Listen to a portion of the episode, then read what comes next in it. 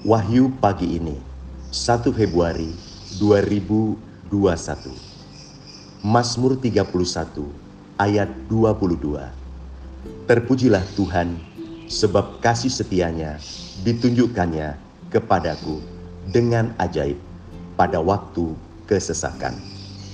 Saudara-saudari terkasih, mari memuji Tuhan di awal bulan ini dengan mengasihi sesama dan alam ciptaan Tuhan.